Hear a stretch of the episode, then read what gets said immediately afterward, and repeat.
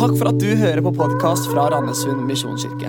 Denne talen er spilt inn på en av våre gudstjenester, og vår visjon er å hjelpe mennesker til tro på Jesus og et liv med Han. Gå inn på mkirken.no eller Randesund misjonskirke på Facebook for mer info. Kanskje har du sett programmet Intervention, som også har gått på norsk TV. Det handler om hvordan familie og venner til en person som har en selvdestruktiv livsførsel, forsøker å gripe inn for å redde den som de er glad i. Det kan f.eks. være en person som kjemper med rus og klarer ikke å ta steg og komme ut av det. Og så kommer foreldre, søsken og venner inn på en ganske brutal måte og konfronterer og snakker ganske tøft om konsekvensen av livsførselen og hvor dette kommer til å ende hvis ingenting endrer seg. Det må være ganske brutalt å oppleve det for den som er gjenstand for intervention. Og det sosiale presset er selvsagt veldig stort. Men når familie og venner gjør dette, så gjør de det av kjærlighet. Fordi de vil ikke miste den det gjelder. Historien om Jonah er også en historie om en person, og faktisk en profet, som har en selvdestruktiv livsførsel. Og så leser vi i denne boken om hvordan Gud griper inn, om Guds intervention i hans historie. Og vi ser hvordan Gud sender en storm. Båten som Jonah er om bord i, holder på å gå ned. Gud sender en fisk som sluker Jonah. Og det kan se ut som Guds straff, men det viser seg at det er Guds kjærlighetsfulle intervention i Jonas sitt liv. For Jonas' historie er historien om en Guds mann som faller. Jonah var en profet. I andre kongebok kan vi lese om hvordan han trår innenfor kongen i Israel. Han var en som hadde en anerkjent profetgave. Han blei lytta til. Han var en som hørte fra Herren. Men i Jonas sin bok ja, så hører vi stort sett om de feile valg om Jonas sitt fall. Vi skal i dag lese fra andre kapittel i boken om Jonah. Og Vi plukker opp historien når Jonah er kasta i sjøen, og han kjemper mot bølgene. Han endte opp på et sted hvor han aldri hadde trodd han skulle ende opp. Et sted hvor det ser ut som alt håp er ute. Men da, da er det Gud griper inn. Det er intervention time. Det er tøff kjærlighet. Tema for denne talen er når alt går rett vest, så er Gud også der. Vi skal lese sammen fra Jonah kapittel 2 og fra vers 1 til og med vers 11. Herren sendte en stor fisk for å sluke Jonah, og Jonah var i buken på fisken i tre dager og tre netter. Jonah ba til Herren sin Gud fra fiskebuken. Han sa, 'Jeg kalte på Herren i min nød', og han svarte meg. 'Jeg ropte om hjelp fra dødsrikets dyp, og du hørte meg.' Du kastet meg i dypet, midt ute på havet. Strømmen omga meg. Alle dine brenninger og bølger slo over meg. Jeg tenkte, jeg er drevet bort fra dine øyne. Skal jeg aldri mer få løfte blikket mot ditt hellige tempel? Vannet lukket seg om strupen. Dypet omringet meg. Sivet viklet seg rundt hodet. Jeg sank ned til foten av fjellet. Bommene på jordens porter slo igjen bak meg for alltid. Men du, Herre, min Gud, førte meg levende opp av graven. Da livet mitt ebbet ut, husket jeg på Herren, og bønnen min nådde til deg, til ditt hellige tempel. De som holder seg til vind og tomhet, har sviktet sin kjærlighet. Men jeg vil ofre til deg med takkesang. Det jeg har lovet, vil jeg holde. Frelsen kommer fra Herren. Da talte Herren til fisken og den spydde Jonah opp på tørt land. Ja, slik lyder Herrens ord. Sist søndag så talte pastor Roy Elling Foss over kapittel 1 i Jonaboken. Vi fikk høre at historien om Jonah starter med at Herrens ord kom til Jonah. Og Gud ber Jonah om å reise til storbyen Ninive og forkynne Guds ord der. For byens ondskap har fått Guds oppmerksomhet. Ninive var på denne tiden, på 700-tallet før Kristus, hovedstaden i det asyriske riket. Det ligger i dagens Irak, ca. 80 mil øst for Jonas' hjemby, Gat Hefer i Galilea. Jonah kan på ingen måte tenke seg å forkynne Guds ord i denne byen. her. Stedet representerte for han virkelig ondskapens sentrum. Og han hadde på ingen måte lyst eller kunne tenke seg å følge Herrens kall.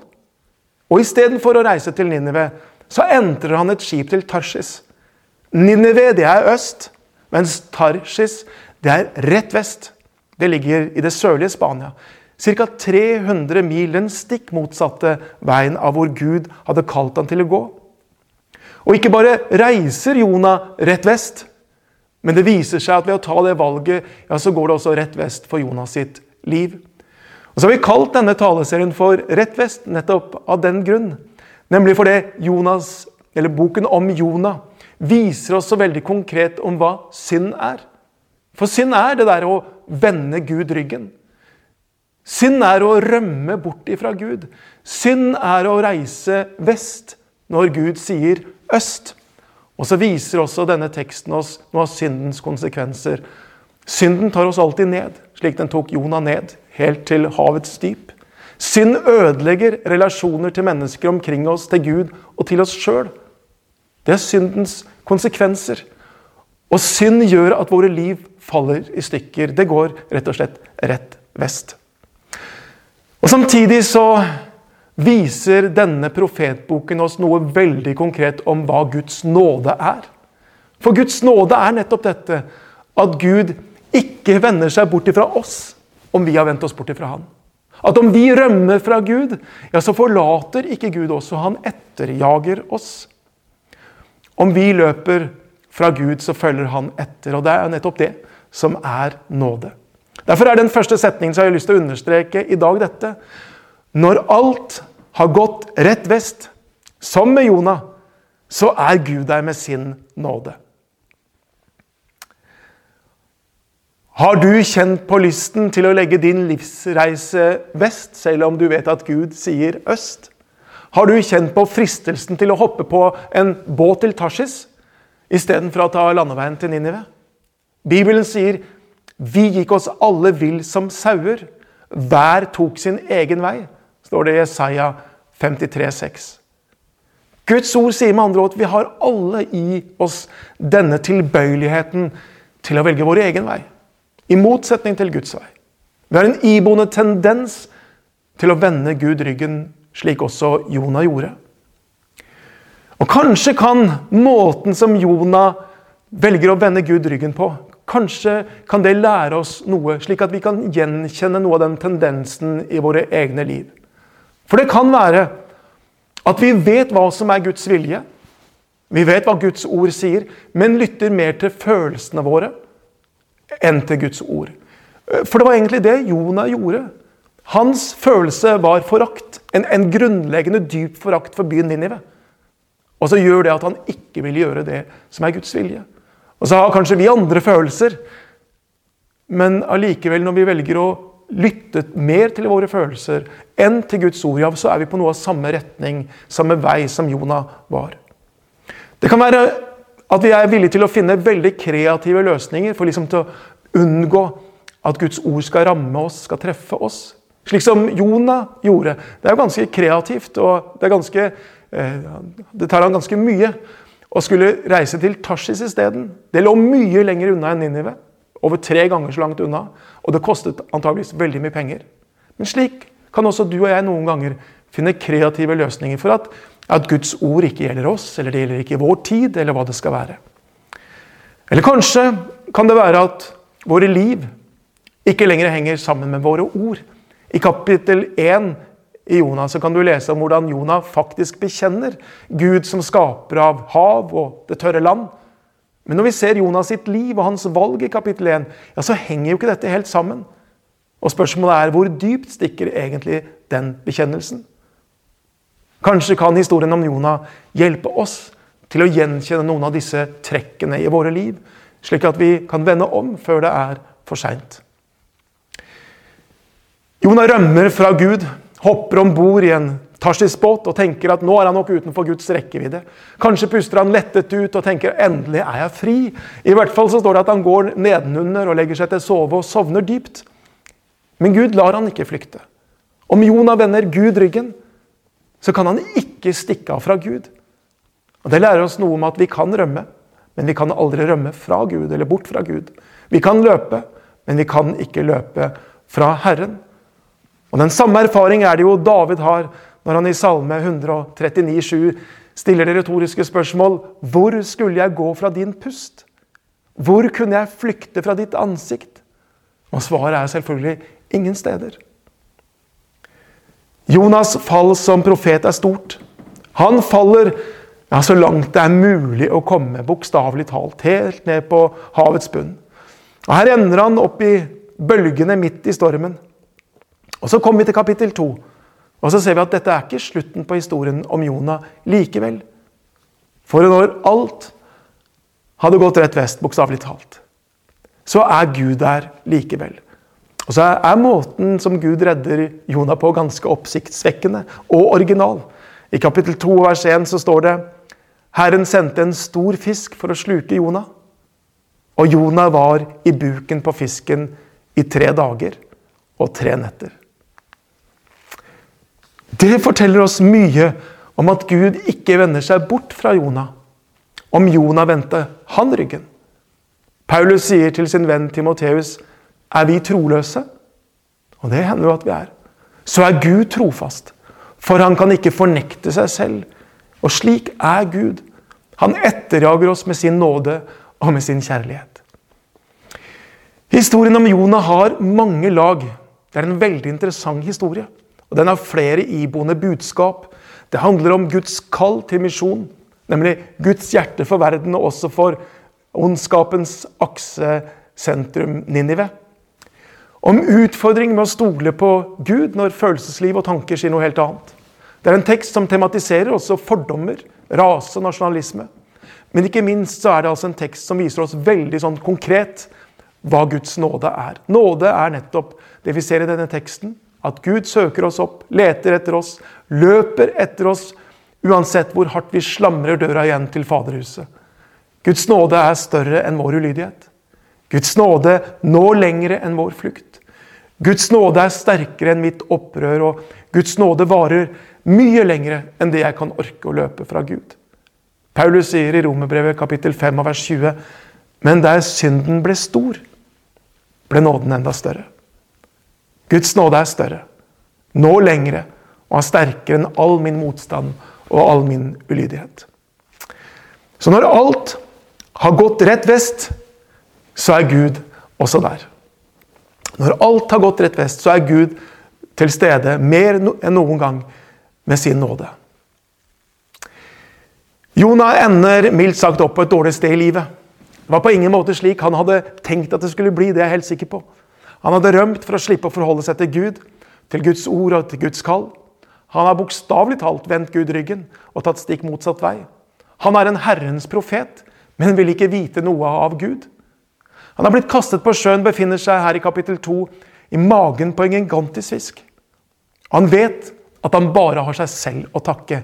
For jeg vet det er min skyld at den sterke stormen har rammet dere, sier han i Jonah kapittel 1 og vers 12. Og Én ting er jo at en ulykke rammer. Det er smertefullt.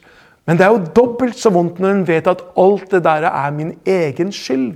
Det er ikke bare smertene som gjør vondt, men skyldfølelsen og skammen. På flukt fra Gud hører vi ingenting om at Jonah har bedt til Herren. Det er ikke et ord i kapittel 1 om at Jonah ber. Selv om faktisk sjømennene oppfordrer han til å be til sin herre, så står det ikke noe om at han ber. Det er helt stille. Han har tydeligvis lukket både sin munn og sitt hjerte for Gud. Men nå, etter å ha blitt slukt av denne fisken, når det er stummende mørkt rundt han, når alt håp er ute, så står det i vers 2 i kapittel 2 Jonah ba til Herren, sin Gud, fra fiskebuken. Og Det er dette andre har lyst til å peke på i dag. Når alt går rett vest, så kan du som Jonah be til Herren. Når alt går rett vest, så kan du, sånn som Jonah gjorde, be til Herren. Jonah ba til Herren sin Gud fra fiske, fiskebuken, leste vi. Og da går det jo an for oss å tenke. Så nå ber han, den godeste Jonah. Eier han virkelig ikke skam? Her har han vendt Gud ryggen, og når han høster det han sådde, når alt har gått galt, alt har gått rett vest, ja, da kommer han krypende til Gud. For et par dager siden snakket jeg med en ung kristen mann. Han sa følgende Når jeg har problemer, så involverer jeg i liten grad Gud. For jeg føler ofte at det er min skyld. Og at da må jeg på en måte ordne opp sjøl om jeg har kommet i vanskeligheter eller har det vondt. Og En slik tankegang kan jeg jo kjenne meg igjen i. Jeg har iallfall tenkt det noen gang i mitt eget liv. Jeg har latt min gudsrelasjon gå for lut og kaldt vann, når bønnelivet har tørket inn. Når jeg liksom ikke har ofret Gud så mange tanker, og så skjer det noe i mitt liv som, som gjør at jeg får det vondt eller jeg har det vanskelig. Og så ber jeg til Gud. Da slår den tanken inn. Ja, ja, nå kan du komme. Nå ber du. Denne teksten er veldig oppmuntrende for alle som kan kjenne seg uverdige på at vi kommer krypende til Gud når vi trenger det. I Jonah kapittel 2 vers 3 leste vi nemlig Jeg kalte på Herren i min nød, og han svarte meg. Jeg ropte om hjelp fra dødsrikets dyp, og du hørte meg. Som vi har lukket våre ører Gud, for Gud, så hører Gud likevel oss når vi kaller på ham. Om vi så har brukt hele livet på å løpe fra Gud, ja, så er han der når vi vender om. Om vi har neglisjert Gud fullstendig og vårt bønneliv har vært fraværende, så er Gud der i det øyeblikket vi roper på ham. Så uansett hvor langt vi har gått bort fra Gud, så er han nær om vi vender om. Som vi noen ganger sier, Gud er bare en bønn unna. Om du erfarer at du virkelig er på et dårlig sted i ditt liv akkurat nå, så vil jeg oppmuntre deg å si så be likevel. Og så har Gud lovet å høre din bønn. Slik tar Gud imot oss når vi venner oss til Han. Jeg ropte om hjelp fra dødsrikets dyp, og du hørte meg. Det var Jonas' erfaring. Og slik en Gud er det vi har. Som alt går rett vest, sånn som det gjorde med Jonah, så be allikevel til Gud. Da Jonah kastes over bord av livredde sjømenn, så ser det virkelig ut som det er slutten for Jonah. Han kan umulig ha hatt noe håp der han kjempet i vannet. Og når fisken sluker han, så, så ser det ut som det er bare et nytt kapittel i Jonas' tragedie. Og så skal det vise seg at det er ikke slutten. Fisken er på en forunderlig måte Guds frelse. Og det er ikke døden for Jonah, men det er livet han får. For Gud er nettopp en Gud som griper inn når alt håp er ute. Når, når det er helt mørkt omkring oss, så kommer han med sitt lys. Som det står, han lar det spire i den tørre ørken. Og Dette er det tredje poenget jeg vil stanse med. Når alt går rett vest, kan du som Jonah erfare Guds frelse.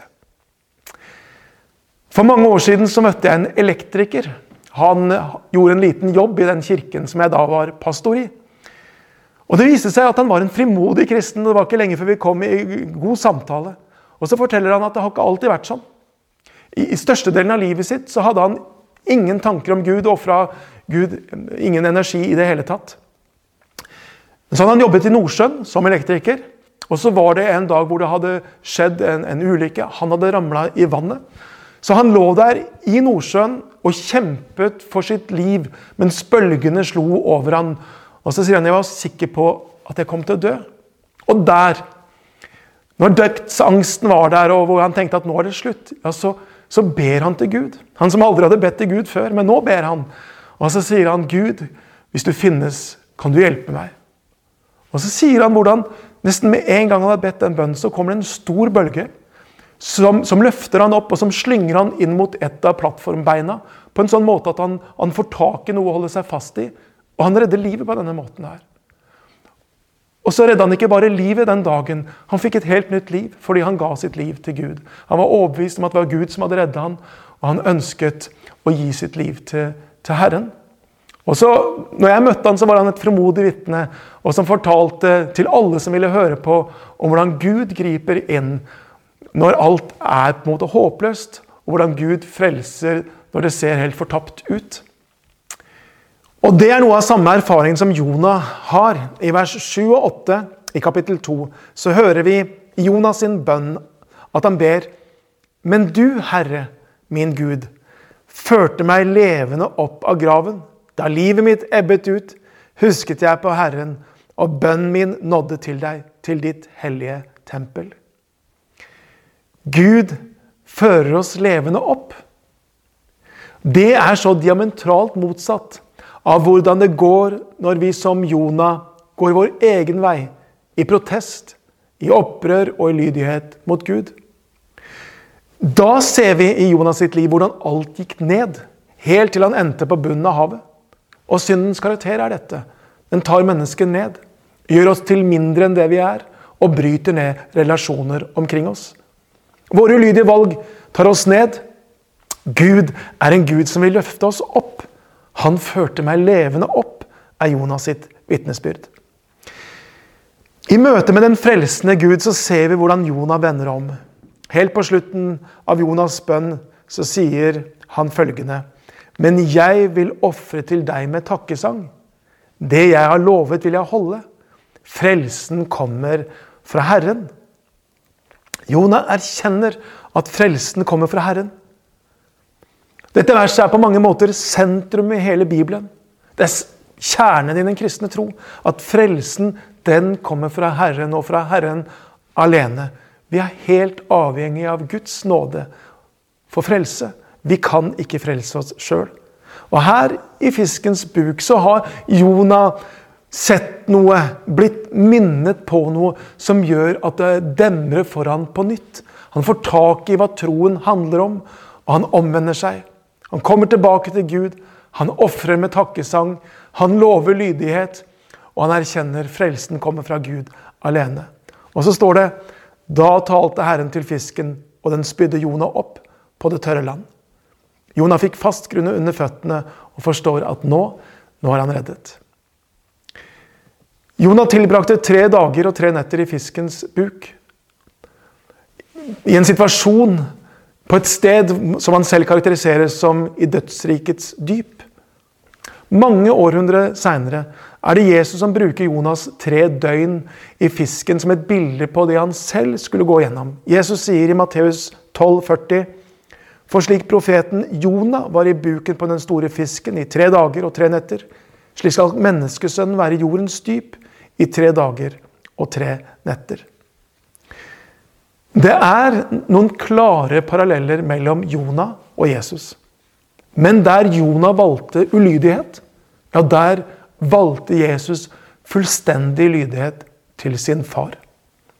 Der Jonah tar sine valg ut ifra selviske og egoistiske eh, prioriteringer, ja, der legger Jesus ned sitt liv for mennesker.